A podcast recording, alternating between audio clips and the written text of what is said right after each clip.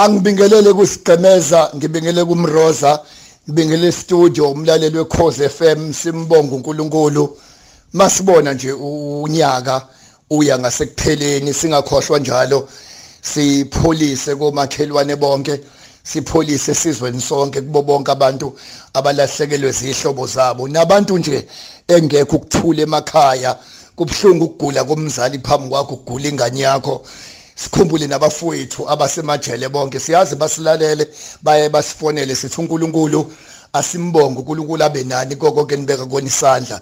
Sivula ke inyanga yamagugu la. Sivula inyanga yamasiko esaziyo ukuthi masikumandulo kwinyanga enkulu kangaka. Ilana siyiqhakambisa khona sikhumbula khona ukuthi sivelaphi sonke siyisizwe simnyama sizothi ke nje bantu bakithi kungasona isizwe simnyama kuphela. Zonke nje inzizwe sonke sifuna ukwazi ukuthi siqhamukaphi singobani kakhulu. Mangathiwa ngiyibeke ngabe nje igagu singoba. Singakhohlwa ke mathiwa nje ngiyikhulume kwi standard grade ukuthi kule nyanga sithini. Sithi njalo fish wenze shoma uphumelela fish kodwa ungaxabani namanzi. Fish futhi ungayivumi impumelelo yokuhlukanisa namanzi. Hlahla ngisho ungaqhakaza imbali ube nama fruits kodwa ungayivumeli into yokuhlukanisa nenhlabathi. Sikhuluma nezinkanyezi ukuthi izinkanyezi niqhakaze niqede kodwa ningaxabani nesibhakabhaka ama galaxies phezulu. Ngoba once inkanyezi yawa iphele yahlukana once inkanyezi yahlukana nesibhakabhaka nama galaxies phezulu iphele lo bunkanyezi. Sihlale sibona inkanyezi zibo zitwi akekho kwayixoshwa wathi nanti siyasaba ofishi mabesisuka emanzini nezihlahla sizothi kumuntu ophilayo eningizimu Afrika siyayisaba impumelelo bengixoxa nomhlungu otriple S. ngixoxa nezimpunga nje nami ezinqinisa ukakhayi siyaxoxa sithi hayibo abantu abasha batshelwe. Nabantu abatshela ukuthi siyayisaba impumelelo yothi mawuphumelela kanti abazali bakho nemuva lakho awusaliboni. Angiphinde again. Kubalekela ukuba nebhanoyi lakho ube nezimoto zakho na yonke into. Kodwa ngeke wakhomba isalikwazi sikuzalayo ubaba umama oanti nezingane zakini. Siphila esikhathini la abantu befuna impumelelo ngayo yonke into. Kodwa uyibalekele impumelelo eyokuhlukanisa nabantu bakini. Sithina ke kakhulu siyisizwe esinsundu bantu bakithi.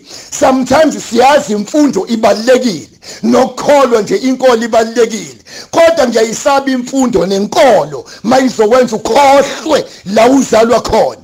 Angiphinda again ngifuna ukuemphasize lo ngikugcizelela ungawumfundisi ube umbishop ube upresident ube yinkosi ube yibhosa ube yonke into uhlonishwe. Ngiyasaba mawuzojabulisa labantu lokubajabulisa kanti abantu ozalwa nabo abantu bakini. Ngifuna ukuthi nje mlaleli wekhoze FM ngenxa yesikhathi anginaso isikhathi ngizohluleka ukusho lento engifuna ukisho isibusiso isibusiso ase isibusiso asinyuki kodwa siyehla. Angiphindi again. Isibusiso asinyuki kodwa siyehla. Isibusiso kufuneka usithole kumuntu ongaphezulu kwakho. The one over your head the one above your head. Sithole kumuntu ongaphezulu kwakho. Yeka ukujabulisa obhululu bakho ujabulisa abangani bakho. Ngisho ungaphi iphara ukudla? Lithi uNkulunkulu akubusise cha. Ngiyasaba uma isalikwazi sikuzalayo. Nekhehle likuzalayo nabazali abakuzalayo bengakaze bathi mfana wami ndodana yami uNkulunkulu akubusise. Ngiyafuna loya anto lapha ekhaya ogqoka iphinifa lodwa lesasalikwazi sithi ngane yami uNkulunkulu akubusise. Noma usufundile use university noma ungabona senginezimoto impilo sengisettled kodwa ngiyasaba akube khona into yakini ethi uNkulunkulu akubusise. Sizokhuluma ke kakhulu umbalaleli bokhoze FM sisangenisa nje inyanga yamagugu ukuthi singobani sivelaphi singama Afrika ungakhohlwa ngimnyama kodwa ngimuhle.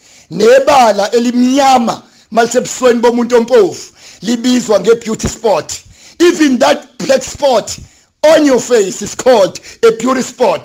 Bonke abantu abaphumelela abantu babe khona sazokhuluma ke ngomehluko phakathi kwemfundo nemfundiso. Wasokhala masibona umuntu efundile kanti imfundiso ayikho. Sikhale masobeka umuntu esihlalweni efundile kanti imfundiso ayikho. Abantu bakithi abaphumelele awafudumala amakhaya. Sisahlele emotweni sihlele emateksini sibhadanisa impilo. Abantu bakithi beshonelwe balehlekelwe yimisebenzi ama relationship ayanyakaza. Left and right sithi uNkulunkulu akabhekelele izwe lakithi. uNkulunkulu akanibusise abantu bakithi niphuma anibusise ningena. Konke nibeka kona isandla uNkulunkulu akanibless anibusise ngayo yonke indlela. God bless you. Manifuna ukusithinta ke as SMSelane kule number ke ethi 066 053 0791 WhatsApp 066 0530791 uNkulunkulu akanibusise. Isibusisa sisuke phezulu.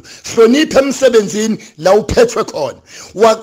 Wachaza iboss yakho yachazeka. Uyobona esiqatha isibusiso wachaza umzali wakho wachazeka. Sehla isibusiso uyobona uphumelela esikoleni sihlonipha uprincipal sihlonipha othisha. La ukhona hlonipha impunga abantu abangaphezulu kwakho akekho umuntu yokuthinta emhlabeni. God bless you.